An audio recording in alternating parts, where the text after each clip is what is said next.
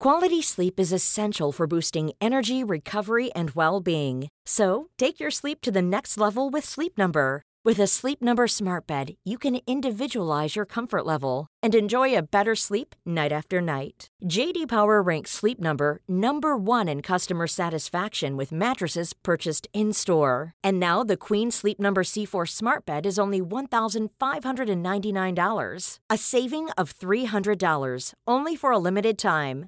For JD Power 2023 award information, visit jdpower.com/awards. Only at Sleep Number stores or sleepnumber.com. Ja, påskemysteriet. Har du, fikk du løst det? Fant du den forsvunne snoken? Eh, det fant jeg ikke. Nei, du gjorde ikke det. Men det jeg eh, fant i påsken, er jo et talent jeg har. Yes. Jeg burde vært sånn, radio, eh, sånn eh, radioteatervert. Mr. Hummingbird! Ja. It's been a murder. Is it Mr. Winterbottom? The snoke is gone, madam. Where is it? I haven't seen the snoke in two years. Have the butler seen it? No. Or is it a maid? Even the gentleman himself can't see it because the abdomen is too big. Dette, dette burde vært en påskekrim. Ja, Men eh, det får bli neste år. Nå er det podd. nå er det pod.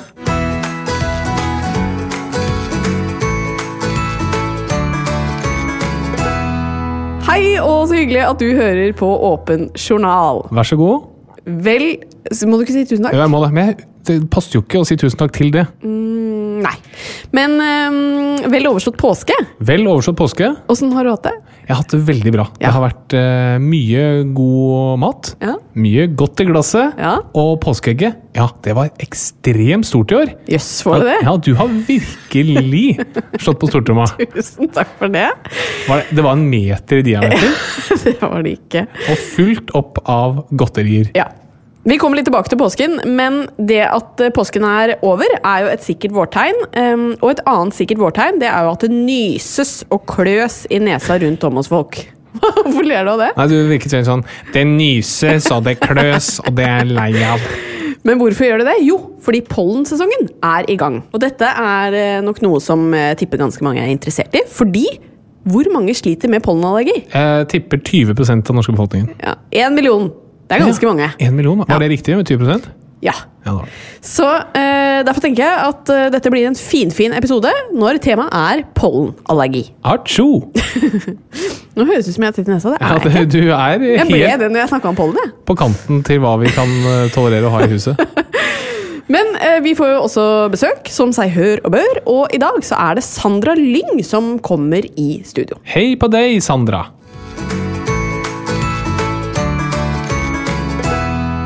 Hvorfor ble jeg tett i nesa av å snakke om pollen? Nei, det er jo det en eh, psykologisk effekt. Det får vi høre. da. Kanskje det er en psykologisk Ja, effekt. Hvem jeg, vet? jeg tror det. Basert på hva som foregår oppi knollen din, så tror jeg det er det. Men vi må snakke litt om påsken. Det har vært veldig deilig. Det har vært påskestemning. Eh, Du og jeg er jo veldig glad i høytider og ikke minst påskekrim. Ja. Så det har jo vært, eh, som seg alltid hører bør, det er tydeligvis dagens ord. Jeg har lyst til å si det flere ganger i dag, merker jeg. Flere konkrete ting du vil dra fram fra påsken? Nei. Jo, vet du hva? Det er det faktisk. Fordi eh, vår gode venn Harald Rønneberg, Ja. din navnebror, han har jo startet podkast sammen med Thomas Numme. Og de eh, fortalte da, i en av episodene sine, så fortalte Harald om eh, en frustrasjon rundt trafikken. Og her har du og din navnebror veldig noe til felles. Ja. Eller noe veldig til felles, som noen ville sagt. og um, For det han fru, var frustrert over, det var at når det kommer to felt eh, på motorveien Ja. Eller jeg tror ikke det var motorvei, jeg tror det er på en vanlig vei, men det kommer to felt en liten periode. Kan det stemme? Mm, ja. Ja. Så uh, var det ganske mye trafikk, men ingen la seg ut til venstre. Men det gjorde Harald Rønneberg, da. For å kjøre forbi, ikke sant? Ja. Og så ble folk veldig irritert for at han gjorde det. ja, for det er jo sniking i køen. Ja, og det mener han at burde være helt innafor når det er to felt. Eh, mens generelt folk var imot det. da. Hva tenker du om det, før jeg kommer til hva du egentlig Mot det. Det er jo veldig det, sniking i køen. Mm. Ja, ok. um... For det, det betyr jo det at du vil bruke kortere tid på veien enn noen som kom der før deg, Ja. Mm. og som har vært lenge i kø. Så de burde få lov til å komme fortest fram. ja, det er sant. Men Eh, Hadde du ikke tenkt på det før du skal si det jeg skal jeg si syns det var en veldig god idé. Ok, da er jeg spent. eh, men eh, da, det at han fortalte om dette, gjorde at eh, jeg kom på en eh, fanesak som du har. Ok. Når det kommer til sånn forbikjøring i felt. Mhm. Skjønner du hvor jeg skal? Nei. Hva skjer når du legger deg ut til venstre? Hva gjør de bilene til høyre da? De tuter. Nei, Nei, de legger seg ut og blokkerer. de kjører fortere! Å ja, ja, ja. ja. Ok, sånn, ja. Ja, men Nå snakker du om to forskjellige ting. Ja, jeg gjør det, men, men greia er Fy fader, altså. Klarer du å henge med på dette her? Ja, men det er noe du Altså, når vi kjører i bil, så er det noe du aldri klarer å legge fra deg, og det er nettopp det der. Ja, men det er noe annet. Hvis du har et forbikjøringsfelt hvor det ikke er kø, og så skal du kjøre forbi en sinke foran, Ja. så er det ganske ofte at den sinka da begynner å gasse opp, Ja, så du ikke kan kjøre forbi. Det er veldig irriterende. Men, så det er greit. nei, det er jo Altså Altså, hvis, hvis du kjører sakte, som er helt greit i trafikken, da må du la andre kjøre forbi deg. Også i forbikjøringsfelt. Da er det veldig irrit- Hvis du ligger liksom i 70 i en 80-sone, Ja. og så når du kommer et forbikjøringsfelt, hvis du da drar opp i 100, sånn at ingen kan kjøre forbi deg, det er veldig irriterende. Men jeg tror ikke de gjør det bevisst. Jeg tror de bare gjør det fordi det føles mer åpent landskap å kjøre i, eller noe sånt. Nei. Nei. Eh, uansett om du gjør det bevisst eller ikke, slutt å gjøre det. Slipp andre forbi. Men det, det som jeg hadde om, det er hvis det er kø. Ja. For eksempel det er to felt, og du ene feltet skal ta av til høyre. Så stiller man seg i kø. Man, man sniker ikke i køen og kjører til venstre. Det er min mening, da. Kjempespennende, Harald. Tusen takk for at du Altså, det er du som har dratt oss inn i den smørja her. Du klarer ikke engang selv å holde styr på hva du prater om. Jo, jeg gjør det. Det bare um, Koker litt i topplokket topplokken innimellom. ganger. Men um, jeg har jo en kompis som er i pappaperm, og han sier at liksom, jeg er sånn pappapermtåke, jeg nå. Oi, han sier det. Ja, han sier det. Er det greit? Det er ikke greit å Nei. si. Men jeg gleder meg til jeg kan begynne å si det. At jeg Ja. har noe å skylde på for alle de dumme tingene jeg gjør. Men du skal jo snart ut i perm. Ja. Ja, og øh, hvordan Hvilke tanker gjør du deg om det? Gleder meg veldig mye. Gjør du det? Ja. ok, fordi det, det, det, det er litt sånn blanda følelser rundt det hjemme, i hvert fall om dagen. Hvis jeg kan kaste inn en aldri så liten brannfakkel det? Det virker litt eh, Altså, det er utrolig hyggelig, og vi må være sammen med barna våre. Og, sånn. og jeg elsker jo Bernhard høyere enn absolutt alt. Jeg hadde lett tatt en kule for han. Men det virker lite grann eh, sløsing med ressurser å ta folk helt ut av arbeid eh, for å sitte og mate og pludre med dem. Bitte litt. Ja, det er en brannfakkel. Ja, brannfakkel. men, eh, men, Men jeg har jo gjort det i syv måneder nå. Ja, jeg vet det. Og derfor, altså, det handler ikke om meg og pappapermen. Det vil jeg ikke gå inn Nei. på. Men, eh, men man kunne sånn samfunnsøkonomisk burde man eh, kanskje satt de bort litt før. Eller kanskje f.eks. Din, dine foreldre, mine foreldre. Noen Mm. av dem er pensjonister. De kunne liksom satt- tatt de mer på dagtid. F.eks. etter seks måneder. da. Mm. Kunne vært en mulighet. Men du gleder deg til pappaperm? veldig. Jeg syns det er veldig koselig, men, jeg, men jeg, jeg skjønner litt hva du mener. Det er jo litt sånn ensformig hverdag, fordi det er veldig mye rutiner. Ehm, og du må jo ha veldig tålmodighet, f.eks. når du nå skal prøve nye matvarer Mm. hver tredje dag. I dag prøvde jeg egg, ikke sant. Og du, altså, du eier jo ikke tålmodighet i livet til å sitte sånn. Nei, hvis jeg har tid Altså, man har alltid tid. Men jeg synes det er veldig gøy, og det er en veldig viktig del av, bindingen og tryggheten og sånn. Det er Ja, men- kjempeviktig. Men ja. det, bare, det føles noen ganger litt sånn frustrerende. Sånn. Å ikke kunne gjøre noe inntektsskapende arbeid. Ja, du er jo veldig glad i å jobbe, da. Men ehm, nei, vi får se. Det blir veldig spennende åssen dette blir. Hva, hva tror du? Tror du det går? Ja, det tror jeg. Jeg tror du kommer til å eh, like det litt når du kommer i gang. Og så er det, skal det sies at Jeg har hjemmekontor, så jeg er hjemme alle dager. Jeg spiser frokost med han hver dag, spiser lunsj med han hver dag, middag, bading. Alt sånn med han hver dag. Mm. Det så, og det er, det er viktig å huske på at det er ikke det at jeg ikke vil være hjemme. Så det er et premiss da, at man kan gjøre det i tillegg. Ja, Det er jo min tur til å ha Forholdspodden denne gangen. Det er korrekt. Eh, og det har jeg gledet meg veldig til. Det kan jo hende at denne spalten snart skal nærme seg slutten. Hvem vet? Oi. Eh, Er forholdet optimalisert? Det er ikke noe mer å hente? det er det jeg- egentlig dagens uh, Da kan vi gå tilbake til Gamasutra-spalten. Ja, det tror jeg ikke vi skal. Men denne mm, spalten vil i dag handle om en slags test. Hvor vi skal teste forholdet vårt. Oi! Ja. Uh, og så får du svaret etterpå, da. Uh, men Er dette noe du har funnet på nett? Er det sånn 'hvilken banan er du'? Ja, egentlig. Men eh, disse 15 spørsmålene avslører om parforholdet ditt er holdbart. er du klar? Ja, Har du tatt det? Vet du, kan det være at du nå nesten på direkten må gå fra din mann og faren til. Bernhard? Er du klar for første spørsmål? Altså 15 spørsmål, så ta en halvtime dette her. Nei. Gjør partneren din deg til et Nei. bedre menneske, og gjør du det samme for han eller henne? Nei. Nei, men ikke tull, da. Okay. Dette er en partest. Unnskyld. Du syns ja. det? Ja. Okay. Er dere trygge på å snakke om følelser, stole på hverandre, være intime og unngå Nei. bekymringer? In, tok på intime. Nei.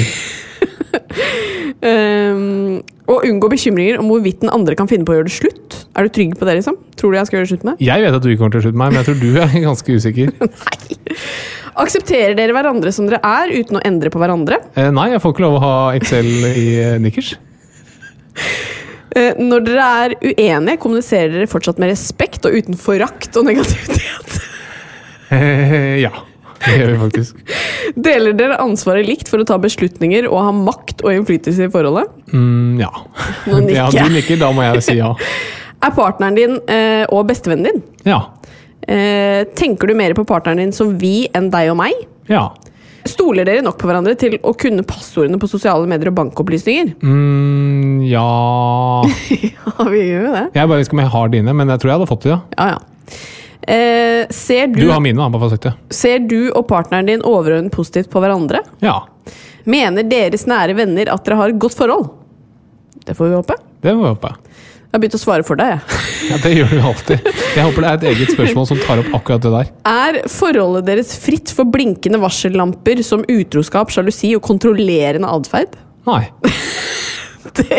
Deler dere de samme verdiene når det kommer til politikk, religion, ekteskap, barn osv.? Ja. Er dere villige til å ofre deres egne behov, ønsker og mål for hverandre? Ja. Ok, siste. Passer du og partneren din sammen seksuelt? Nei.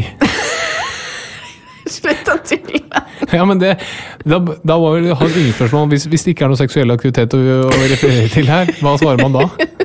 Blankt. Jeg vet ikke. Er det da det heter? Ok, men Du svarte jo nei på noen, og her står det Hvis du svarer nei på flere av spørsmålene ovenfor, er du ifølge professoren i et parforhold som dessverre ikke kommer til å holde. Oi! Jævlig hardt! Men så én nei, så er det Ehm, nei, men altså det, Må jo ha noen å gå på. Nei, det står, det står bare på flere av spørsmålene, og så står det Kanskje det er på tide å komme seg videre? spørsmålstegn Den gode nyheten er at brudd gjerne åpner nye dører. Yes. Nei, denne Jeg hadde ikke lest hele før jeg tok den. Dette var jo begredelig. Dette var begredelig? Det kommer ikke til å holde. Nei. Men uh, vi får håpe at det holder ut dagens episode. Det får vi håpe.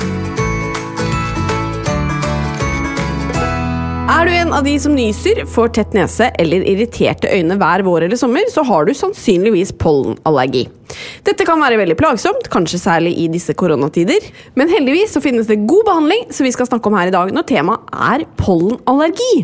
Og Harald, hva er egentlig pollen? Pollen det er små planteceller som inneholder det mannlige arvematerialet til blomster og trær. Og sånn sett så kan du faktisk si at det er plantesæd. Yes. Ja. Men det er et finere ord er kanskje blomsterstøv. da. Ja. Men det er som, sånn de pa- parer seg med blomstene og plantene og, og trærne. Ved at de skiller ut pollen med arvestoff som kommer fra ett sted og treffer en annen plante. Og så blir det en ny plante. Så blir det frø. Ja. Ok, Men hva er da pollenallergi?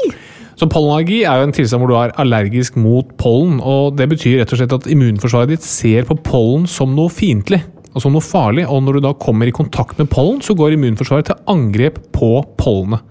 Og Pollen det fraktes jo i luften, og derfor så er det gjerne øyne, og nese og luftveier som man treffer. og Da er det disse områdene man får symptomer fra. Ok, Men noen er jo allergisk mot eh, gress, andre mot bjørk. Hva er liksom det vanligste å være allergisk mot når det kommer til pollen? Mm, Det kommer litt an på hvor du bor i landet, eh, fra hva som fins av eh, planter og gress og trær som kan gi pollen, men det vanligste sånn sett under ett, det er bjørkepollenallergi. Ok, Men um, hva skyldes en slik allergi mot pollen? Ja, altså immunforsvaret vårt er jo laget sånn at du skal reagere på ting som kommer utenfra, som er farlige, eller som det tror er farlige. Men du skal samtidig ikke reagere på egne celler. Så immunforsvaret har en toleranse, eh, og noen ting det alltid reagerer på. Så er det sånn at hos noen så vil immunforsvaret reagere på litt for mye. Det er litt for eh, aktivt, kan du si, og det er tilfellet ved pollenallergi. Så igjen, immunforsvaret går bare til angrep på disse proteinene som er i pollenet.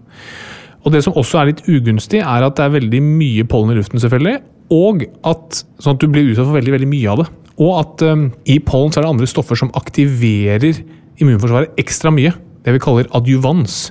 Det er altså stoffer som man kan bruke i vaksiner for å få en ekstra sterk immunreaksjon. Det fins også i pollen. Og Det betyr da at eh, når man kommer i kontakt med pollen, når det er pollenallergiker, så har immunforsvaret laget antistoffer mot pollen som er rundt omkring i blodet ditt og i øynene dine og luftveiene dine. Sånn at eh, det, det startes en immunologisk reaksjon når man kommer i kontakt med pollen. Og da får du jo symptomer. Hva slags symptomer kan man få? Eh, det som kroppen gjør da, når det kommer et antall farlig stoff i kontakt med øyne, nese og luftveier, er at det prøver å skylle stoffene ut. Og måten det gjør det på, er å lage mer væske og mer slim. Og Derfor så opplever vi da rennende øyne og rennende nese og ekstra mye slim i luftveiene. Og så vil i denne betennelsesreaksjonen som skapes, vil det dannes en del stoffer som også gir veldig mye kløe, og som da utvider blodårene, sånn at vi får som røde øyne, og vi får eh, Noen kan få som hevelser i huden, altså sånn eh, elveblest. Eh, og så blir vi såpass påvirket, kan i hvert fall bli det, at vi blir slappe og slitne. Altså det blir en immunreaksjon som faktisk aktiveres i hele kroppen, på en mild måte. Ok, Men det du beskriver nå, kan jo ligne litt på forkjølelse, eller i disse tider på korona. Og det vet jeg at veldig mange kjenner på, at de kan nyse eller ha rennende nese ute om dagen og være nesten litt sånn flaue for det. Um, hvordan kan man egentlig skille de? Nei, det viktigste det er sykehistorien. Altså Hvis du vet at du har allergi, så kjenner du igjen symptomene fra før av. Eh, I tillegg så er det jo en del forskjell i symptomene. Både korona og forkjølelse gir jo sykdomsfølelse og feber. og Det får du ikke ved allergi. Og Ved allergi så er det jo gjerne kløe i øynene og nesen som er hovedproblemet. Og du får ikke kløe i øynene og nesa, det er ikke liksom hovedproblemet ved forkjølelse og korona. Nei. Så for å oppsummere korona, forkjølelse, feber, muskelverk, sykdomsfølelse, vondt i halsen. Allergi, typisk kløe i øynene og nesen, og at du blir bedre allergimedisin.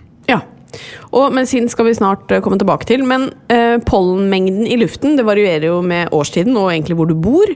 Hvordan kan man liksom tolke hva man er allergisk mot ut fra tiden på året hvor man får symptomer? Det er veldig veldig enkelt. Du bare går og ser på pollenvarselet. Det finnes jo i aviser og på nettet. og Så bare ser du hva det er mye av nå. og Samsvarer det med symptomene mine? Aha, da er det bjørk jeg er allergisk mot, eller det kan være gress. Og det spiller jo egentlig ikke noen rolle. Vi tar jo aldri noen blodprøver eller test for å se hva slags pollen du er allergisk mot, fordi behandlingen retter seg mot symptomene, ikke hva du er allergisk mot. Og behandlingen er det samme uansett hva du er allergisk mot. Så hvis du går til en lege, så vil de aldri ta noen blodprøver eller noe test i huden eller sånn når det er snakk om pollenallergi. Det har ingenting for seg. Hva vil legen gjøre da? De vil spørre ja, hvilke plager er det du har. Nei, jeg har veldig mye eh, plager fra nese og øyne. Aha, nå skal du ha øyedropper, nesedropper, og så kan vi legge til det og det og det preparatet hvis ikke du kommer i mål med det. Ok, ja, For det finnes jo ulike behandlingsmetoder. Hvilke er det vi har? Eh, Så alt retter seg egentlig mot eh, immunforsvaret, for det er jo immunforsvaret som, som er litt aktivt her. Og en veldig viktig del av immunreaksjonen mot pollen, det er frigjøringen av histamin. Det er kanskje en del som har hørt om. Og histamin er et signalstoff i immunforsvaret. og Det fører til at blodårer utvider seg, og at kjertler da produserer mer tårer og slim, og at luftveiene tetter seg sammen. Så behandlingen er da å fjerne histamin. Altså gir antihistaminer, som mange, mange har hørt om. Og det kan også rette seg mot cellene som frigjør histamin, for å sørge for at de ikke slipper ut eh, histamin. Og den retter seg mot å åpne luftveier. Det er det samme som astmamedisin. Det åpner luftveiene veldig fint. Og så kan man også bruke sånn mer generelle immundempende medisiner, som kortison. Enten lokalt, altså at du har det i dråper eller spray, eller som tabletter. Veldig veldig effektivt. Og veldig mange bruker sånn sprøyte med kortison, som de tar én, to, tre ganger i løpet av allergisesongen. Veldig effektivt. Veldig mange som liker det. Ikke gjør det. Det har vi sluttet med. Er det sant? Yes. Fordi Eh, Det er en del bivirkninger knyttet til det. Og når du setter sprøyte med kortison, så får du en Du kan ikke liksom reversere det. Og du har liksom en jevn frigjøring av kortison gjennom hele sesongen. Mens ofte så er det noen dager som er verre enn andre. Så det vi gjør, vi gir istedenfor kortisontabletter. Når det er som verst. Yes, Så du kan si sant, nå vet jeg at det blir en tøff uke. Da har jeg en, en ukes øh, kur med kortison, og jeg kan justere litt sånn ut fra dagsformen. Og så når, når den uken er ferdig, så kan du bare kutte helt ut. Når, hvis du har den sprøyta som er gitt, så får du en jevn strøm av kortison hele tiden, selv om du kanskje ikke trenger det. Det som er Fordelen med allergi er at det er så innmari mange som har det. Og da er legemiddelprodusentene veldig gode på å lage masse masse god medisin. Så det fins så vanvittig mye god allergimedisin, så man skal aldri si seg fornøyd før man har god lindring. Så bra! Det er jo mm, positivt å høre. Yes. Men eh, man har jo eh, hørt om disse antihistaminene som gjør deg trøtt, men disse bruker man mindre i dag, har jeg skjønt. Mm, ja, du kan bruke sånn antihistaminer kan du da bruke både lokalt, altså i form av spray og dropper til å ha i øynene og nese, eller i tablettform. Og disse førstegenerasjons antihistaminene de gir trøtthet, fordi de går gjerne over i eh, blod-hjernebarrieren, altså inn i hjernen vår, høyest trøtte. Mens de nyere, andre og tredje generasjons antihistaminer, de gir ikke spesielt mye trøtthet. Hva menes med eh, første, og andre og tredje generasjon? Det er bare hvor nye og ferske de er. Okay. Første generasjon var første man lagde, og de, de, noen ganger så bruker man det også. F.eks. hvis du har veldig mye kløe om natten. Da kan det være lurt å gi den type førstegenerasjons antihistaminer, fordi både demper de kløe og de gjør deg trøtt. da. Ja. Mens de du vil bruke på dagtid, de vil du gjerne at ikke skal gjøre deg trøtt. Og det finnes masse forskjellige typer av disse her også. Så igjen, ikke slå deg til ro før du finner noen som gir deg god lindring. Fantastisk. Men så har man jo da også hørt om dette med vaksine. Funker det? Ja, det gjør det. Så allergibehandling det retter seg mot symptomene. Vi fjerner den eh, kløen i øynene, eller vi fjerner den rennende nesa. Men, men det går ikke på selve allergien, den er der jo. Og det er for så vidt greit, det. Det gjør ikke noe at du bare er symptomatisk behandling. Men hvis du ikke kommer i mål med vanlig medisinering, du har prøvd alle dråper og sprayer og, og tabletter og sånn, da kan man gå over og vaksinere deg mot allergi. Og Det er litt sånn paradoksalt, men det du gjør er at du gir litt av det stoffet du er allergisk mot, hver eneste dag i flere år. Og igjen, Det er litt paradoksalt, men det er sånn at hvis du gir lave mengder over lang tid, så føler du at kroppen begynner å reagere mindre. Men ulempen er at du må ta det hver dag i flere år, så det er ikke mange som gidder det, og det er ganske kostbart. da. Ja. Men, men man skal vite at det er et alternativ. og Man kan gjøre det mot gresspollen og vepsestikk og masse rart. Men hvis du gjør det da hver dag over flere år, blir du helt kvitt det? Ja, du, blir- du blir i hvert fall mye bedre. Ja, Men da, det, høres jo litt stress ut, spør du meg. Ja, det er akkurat det. Ja. Så det er derfor at Hvis du har liksom to-tre måneder på sommeren som er vanskelig, og du har Mm. god lindring med allergimedisin, så lenge du kommer til en lege som er interessert i det, Mm. så er jo det helt supert. Men hvis du ikke kommer i mål, tenker sånn at det det er liksom tre måneder hvert år jeg ikke fungerer på jobb, da er det verdt å gjøre det. Ok, Så uh, moralen her uh, er at uh, pollenallergi er veldig vanlig, men det fins god behandling, og man skal ikke si seg fornøyd før man er godt nok lindret. Yes. Vi har fått inn et lytterspørsmål denne gangen også. Fortsett å sende det inn på Åpen journal sin Instagram-konto. Eh, og denne gangen så har det kommet inn et spørsmål som lyder som følger. Hvorfor blir noen av oss venstrehendte? Det syns Ja. jeg var litt eh, fiffig. Ja, artig spørsmål. Eh, Det er i all hovedsak genetisk bestemt. Ja. Altså det, er, eh, det ligger i genene våre om vi kommer til å bli høyre- eller venstrehendte. Og måten vi vet det, er f.eks. når vi ser på eneggede tvillinger. Der ser vi at de er alltid det samme. Enten så er de høyrehendte begge to, eller så er de venstrehendte begge to. Og det er jo sånn at I hjernen vår så er det jo høyre side som styrer venstre side av kroppen, og motsatt. Men når du er venstrehendt, så er liksom ting, noen strukturer i hjernen snudd. da. Så det som vanligvis er på høyre side, det kan plutselig være på venstre side. Og det er sånn at Mange dyr har det samme. De også foretrekker å bruke høyre pote, eller høyre labb eller høyre apearm. Ja. Eh, Og en liten fun fact er jo amerikanske presidenter. Det er ca. dobbelt så mange av de som er skeivhendte, som ellers i befolkningen. Er det Sant. Ja. Så man burde egentlig være skeivhendt, for det er større sjanse for å bli president. Jeg vet ikke om det er en teori som holder vann, men eh, og det er, Du får Men du ikke har ikke testa den ut, så du veit jo ikke. Nei, det vet jeg ikke. Men jeg vil anta, basert på all min vitenskapelige integritet, at det ikke vil hjelpe. Og du får ikke styrt det heller. Nei, det er sant.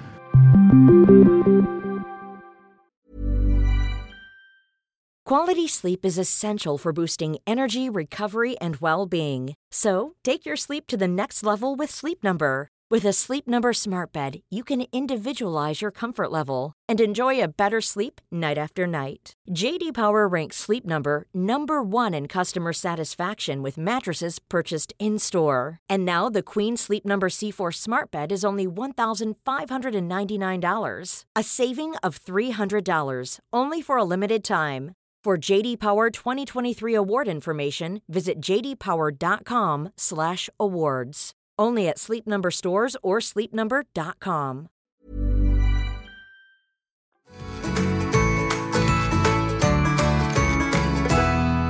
Da har vi fått eh, veldig trivelige besøk i studio. Velkommen, Sandra Lyng. Jeg er ikke så trivelig, da. Nei, men helt ok. Helt ok, ok pluss trivelig. Hei! Hei.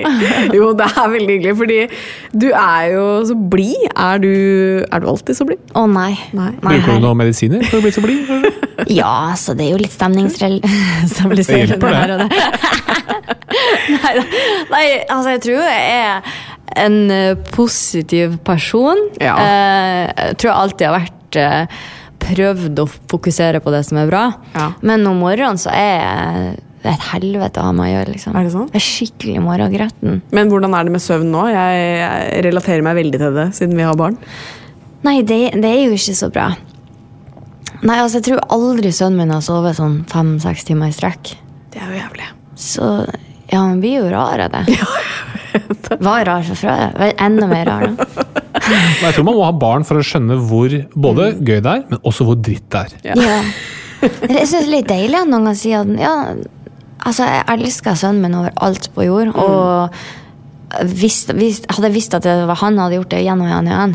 Men det er noen ganger skikkelig dritt òg. og det er, en over, det er en skikkelig overgang. ja, jeg vet det. Og så føler man at alle har det veldig enkelt og greit, eh, i hvert fall på sosiale medier. Det virker jo sånn, da.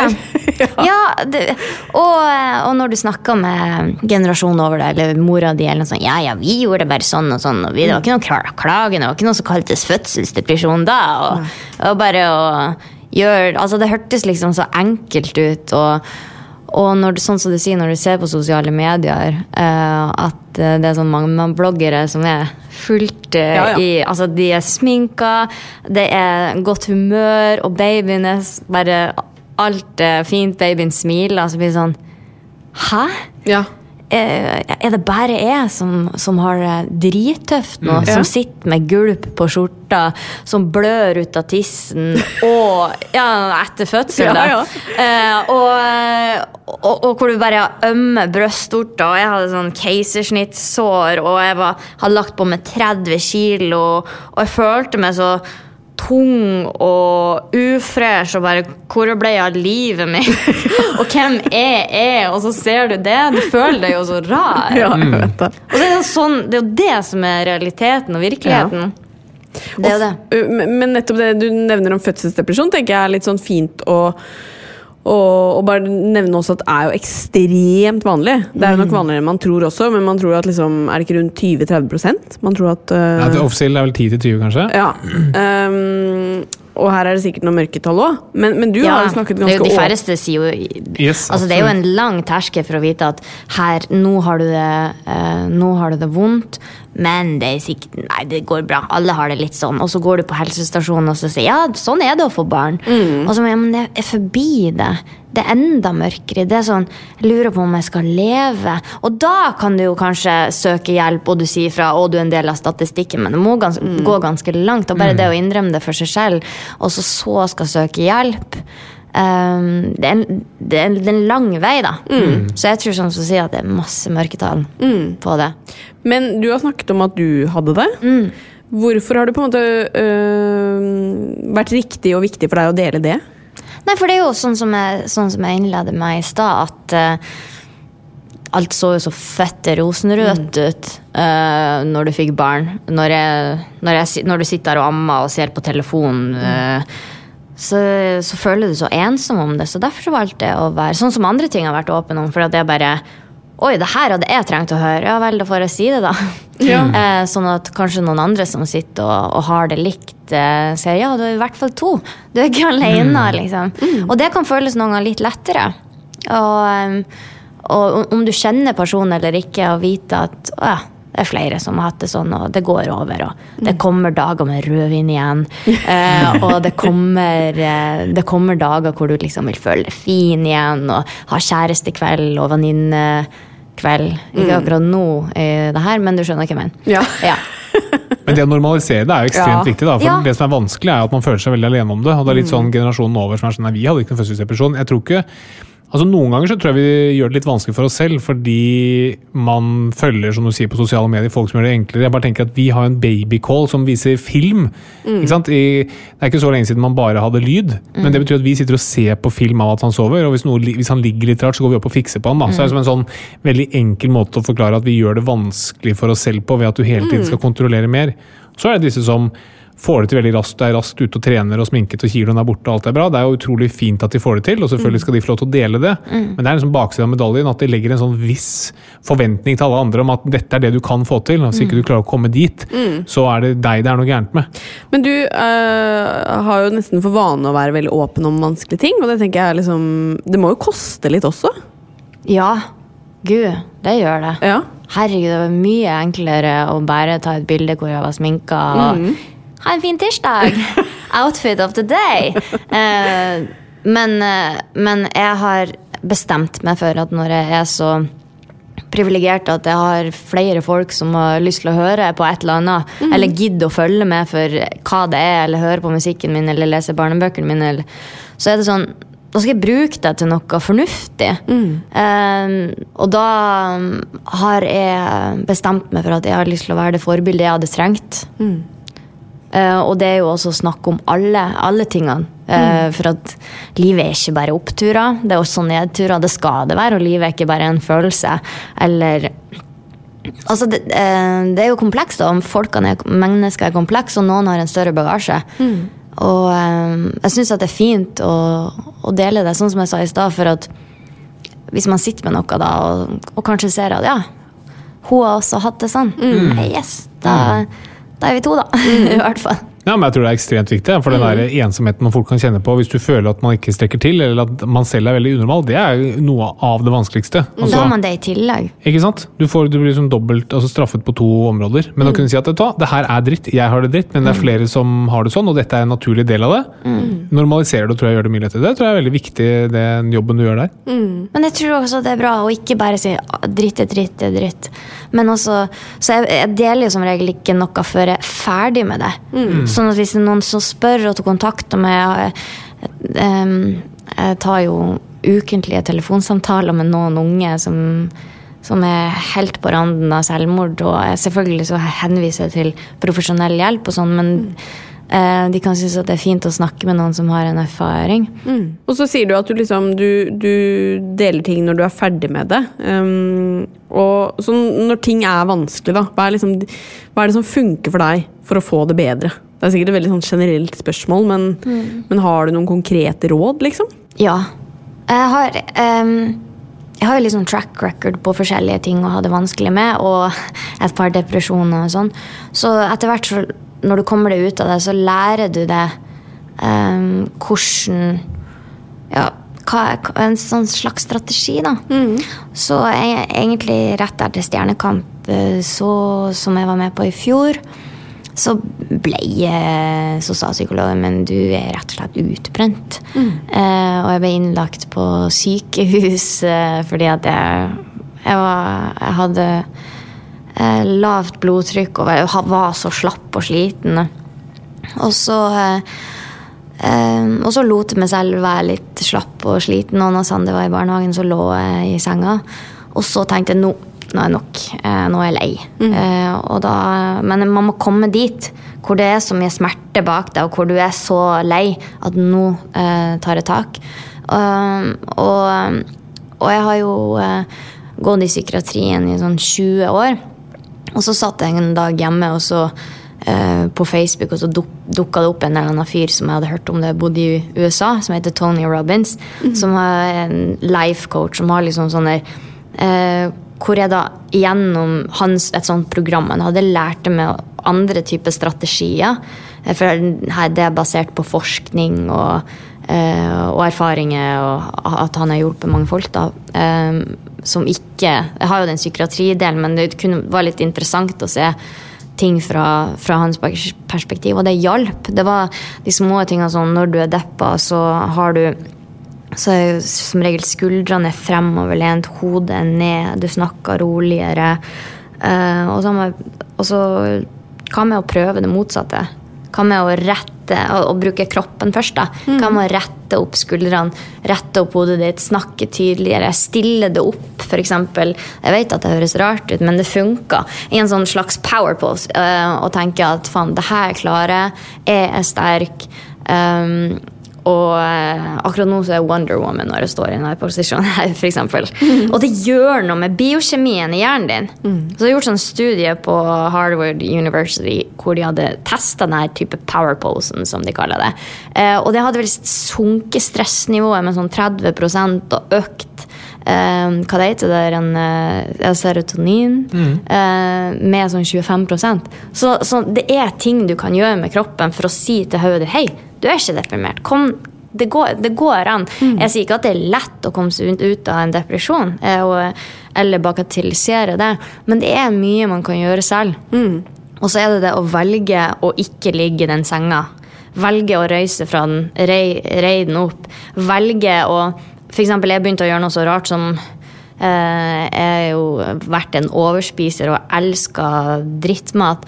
Men jeg lager meg noe sellerijus eh, om morgenen. Eh, og det er akkurat sånn, når jeg drikker det, så er det jo ikke sikkert at det er all verden. Men for meg så er det en slags sånn signal til hodet mitt at nå gjør jeg noe som er bra for meg. Jeg, det, det tar bare fem minutter, ti minutter, men jeg gjør en eller annen greie som, som er bra. Ja, Det virker som du har funnet utrolig mange liksom, gode grep da, for å på en måte jobbe med deg selv og få det bra. Ja, For jeg har skjønt at det ikke er noe alternativ. Nei. Da jeg hadde fødselsdepresjon, så var jeg så langt nede at jeg hadde bestemt meg for å dø. Eh, og, og, og så sa psykologen min en, en setning som endra livet mitt, og det var det at eh, det går som regel litt sånn ganske dårlig med spesielt eh, gutter som mister mammaen sin. Eh, I hvert fall tidlig. Og da bare Oi. Det er faktisk ikke noe alternativt. Jeg skal være på denne kloden til dør natu naturlig, og da er det da må jeg bare gjøre det beste ut av det. Og, så, og så er det Det skal Det her er jo jeg lært at det er mange år med, med vondt og slit. Um, så det er ikke bare å snapse ut av det. Jeg har hatt depresjoner nesten årlig siden jeg var 15 år. Så, så eh, det, det, det krever også eh, ja, ja, På den måten har jeg fått kunnskap på hvordan jeg fungerer. Eh, og sånn kan jeg komme ut av det. Det er ikke enkelt, men jeg har skjønt at eh, det er ikke noe alternativ, og jeg har bestemt meg. Det er et must, ikke et should. Ja, jeg må si eh, for eh, en nybakt mor å gjøre Det gjør veldig inntrykk, det han psykologen sa, fordi eh, Ja. Jeg skjønner at det var veldig vanskelig å høre som mamma, på en måte, når man er i en øh, fødselsdepresjon. Ja. Og så klare å snu det, det syns jeg står enorm respekt av, men også veldig sterkt å høre. Men jeg fikk hjelp, det må jeg si. Ja. Jeg fikk mm. profesjonell hjelp. Jeg var på BUP. Jeg fikk med en ny psykolog som ga meg en ny diagnose, for jeg hadde jo blitt feildiagnotisert. Uh, I tolv år gikk jeg rundt og trodde at det var bipolar, men det viste seg at jeg, jeg kun handla Jeg hadde forsvarsmekanismer og reaksjoner ut ifra at jeg hadde blitt dårlig behandla. Så når jeg da kunne få hjelp til hva som egentlig lå i bunnen, hvorfor jeg egentlig hadde det vondt, og, og gå gjennom det, eh, og jeg ble satt på medisiner og eh, sånn, Jeg sier ikke at det er quick fix i det hele tatt, fordi jeg ble sykemeldt, og mannen min tok over permisjonen min, så vi var begge hjemme. Eh, jeg fikk hvile, jeg fikk med en PT som, var veldig, som hjalp meg med hvordan jeg skulle gjøre det med bekken og kniping og starte rolig, og da følte jeg meg litt bedre. Eh, og, så, og så kunne jeg f.eks. Uh, da ta med en egen tid til å ta med en kaffe med en venn, eller Jeg gjorde mange ting for å bli bra. Det var ikke bare sånn. Nei, det er ikke en quick fix. Men det der å få hjelp, da, tenker jeg kanskje liksom noe det Hvis noen hører på og har det vanskelig, og folk sliter jo med mye forskjellig, men, men det virker som i hvert fall du er flink til å liksom ta grep, og også få å ta imot den hjelpen som på en måte gis, da. Tenker jeg liksom Det som er vondt når jeg hører hva han psykologen sier, så tenker jeg sånn Det er jo det som ofte er problemet, at folk får ikke den hjelpen de trenger, eller de de, ja, de kommer aldri i kontakt med den hjelpen de trenger. Fordi Nei. man ikke tør å snakke høyt om det. ikke sant? Ja, det er vanskelig å snakke høyt om det. Det er vanskelig å be om hjelp. Og mange mm. Det går igjen og igjen og igjen med folk som jeg vil skrive med på sosiale medier eller eh, snakke med på telefon. Så at det er sånn Ja, men det er jo andre som treng, trenger hjelp mer enn meg. Og jeg vil ikke ta plassen til noen. Og, eh, men det Nei.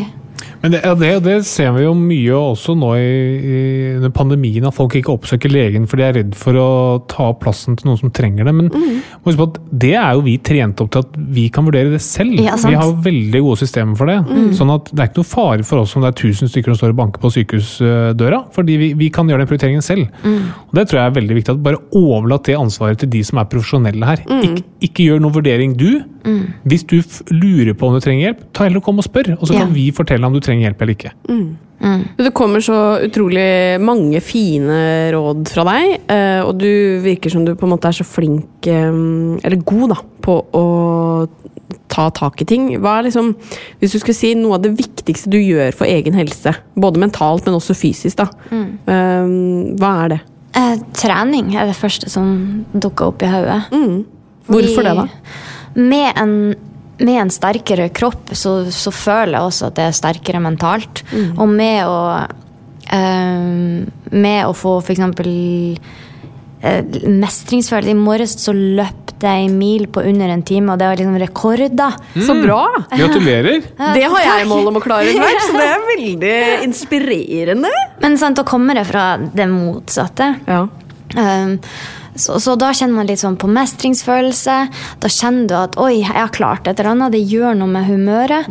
Og Og du føler at kroppen fungerer bedre. Så det føler jeg nesten en sånn snarvei til å få det. Ja, men Det syns jeg er veldig veldig fint. Og, og mm, ja, jeg føler det, liksom, det, det er ofte det folk svarer egentlig her i den poden. At trening er eh, det som funker. Men Og så er det det som er så vanskelig òg. ja, jeg vet det. Og det er det, å få det til òg, det kjenner i hvert fall jeg med barn nå. Jeg vet Ja. ikke hvordan det er for deg, men eh, man har jo ikke alltid orken. Men Nei. vi gjør mye. Det er kjempevanskelig. Den, men det, og da er det jo å sette seg veldig enkle mål i starten. Eh, at man kan gå altså Det finnes jo masse treningsvideoer på YouTube. Og velge et eller annet som er ti minutter med styrke. Og tenke det skal jeg klare tre ganger i uka. Starte med det. Uh, og så kanskje en gang, to ganger i uka klare å gå to kilometer tur. Uh, eller gå med vogn i dag. Og så bare si ja, yes, jeg klarte, jeg klarte to kilometer. Neste uke klarer vi tre. Bare starte i det små, da. Ja, jeg tror Ikke tenke nå skal jeg gjøre det. Og, og så må motivasjonen være der. Motivasjonen må være riktig. Mm. For at det, er veldig flyktig å tenke nå skal jeg bli tynn. For hva skjer når du blir tynn? Eller Ja. når du blir tynnere? Å, nå er jeg ferdig. Motivasjonen må være sånn som min motivasjon for å trene er at det gir meg det naturlige dopamin og serotonin. Altså det jeg trenger i hodet mitt for Mm. at jeg skal ha det bedre. Og da bli en bedre mamma, og da bli ja, holde ut lengre uten å bli sånn slapp og sliten og jævlig. Ja, og Jævlig, ja. For det Ja, blir man hvis ja, man ikke får, eh, får eh, i hvert fall litt frisk luft eller søvn generelt. Altså Man må jo bare gjøre det man kan for å på en måte ta vare på seg sjæl. Selv Ja. om man tar vare på andre òg. Ja, det er, jo, det er jo sånn som du lærer når, altså, eh, når du tar fly da, og har med deg ungen. Du må sette luft, altså, oksygenmasker på deg selv først. For ellers så kan du ikke hjelpe ungen. Det er et bra poeng. Og apropos mestringsfølelse, nå skal den strippes vekk. Oi. For vi skal gjøre klare for quiz. Og med oss i dagens quiz har vi den alltid positive Sandra Lyng, god dag. Hei. Ja. Og Og meg, da? den middels positive og relativt evneveike Katarina Ja. Flatland. Vi får se. Vi får se. Ja. Ok, vi har jo som du vet snakket en del om eh, pollen, og det temaet da er pollenallergi. Start med deg, Sandra. En uh, quiz-spørsmål nummer én. En del av de som har bjørkepollenallergi, vil også ha allergi mot nøtter, gulrot, eple og eller banan. Hvorfor det? Det første jeg tenker er at, eh, at det kan ligge noen av de partiklene i bjørkepollen. Fordi at eh, la oss si at gulrot blir, eh, blir planta på et jorde hvor det er et tre. Med bjørk? Skjønner. Skjønner. Ok, Katarina. Ja, altså det er jo eh, ish Altså det, det er en form for kryssallergi, fordi det, det ligner på det man reagerer på i bjørkepollen. Ligner på det du får i deg når du spiser banan, da. Ja, det er riktig. Ja. Eh, du, har, du har, jeg likte veldig godt forklaringsmodellen til Sandra, men jeg må nesten gi poeng til deg, Katarina. Det er rett og slett at de proteinene du er allergisk mot i bjørkepollen, de, de proteinene som er da i f.eks. gulrot osv., ligner veldig. Helt riktig, en kryssallergi. Veldig bra. Neste spørsmål. Sandra, du er først også nå. Hvilken medisin må pasienter som er utsatt for livstruende allergi, alltid ha med seg? Um, inhalator. Ok, Katarina. Det vil være veldig gunstig, det òg, men uh, EpiPen Adrenalin. Adrenalin er helt riktig. Adrenalin. Dette er min Men, ja, men du har hatt disse Ja, ja, spørsmålene før, så du får ikke poeng ennå.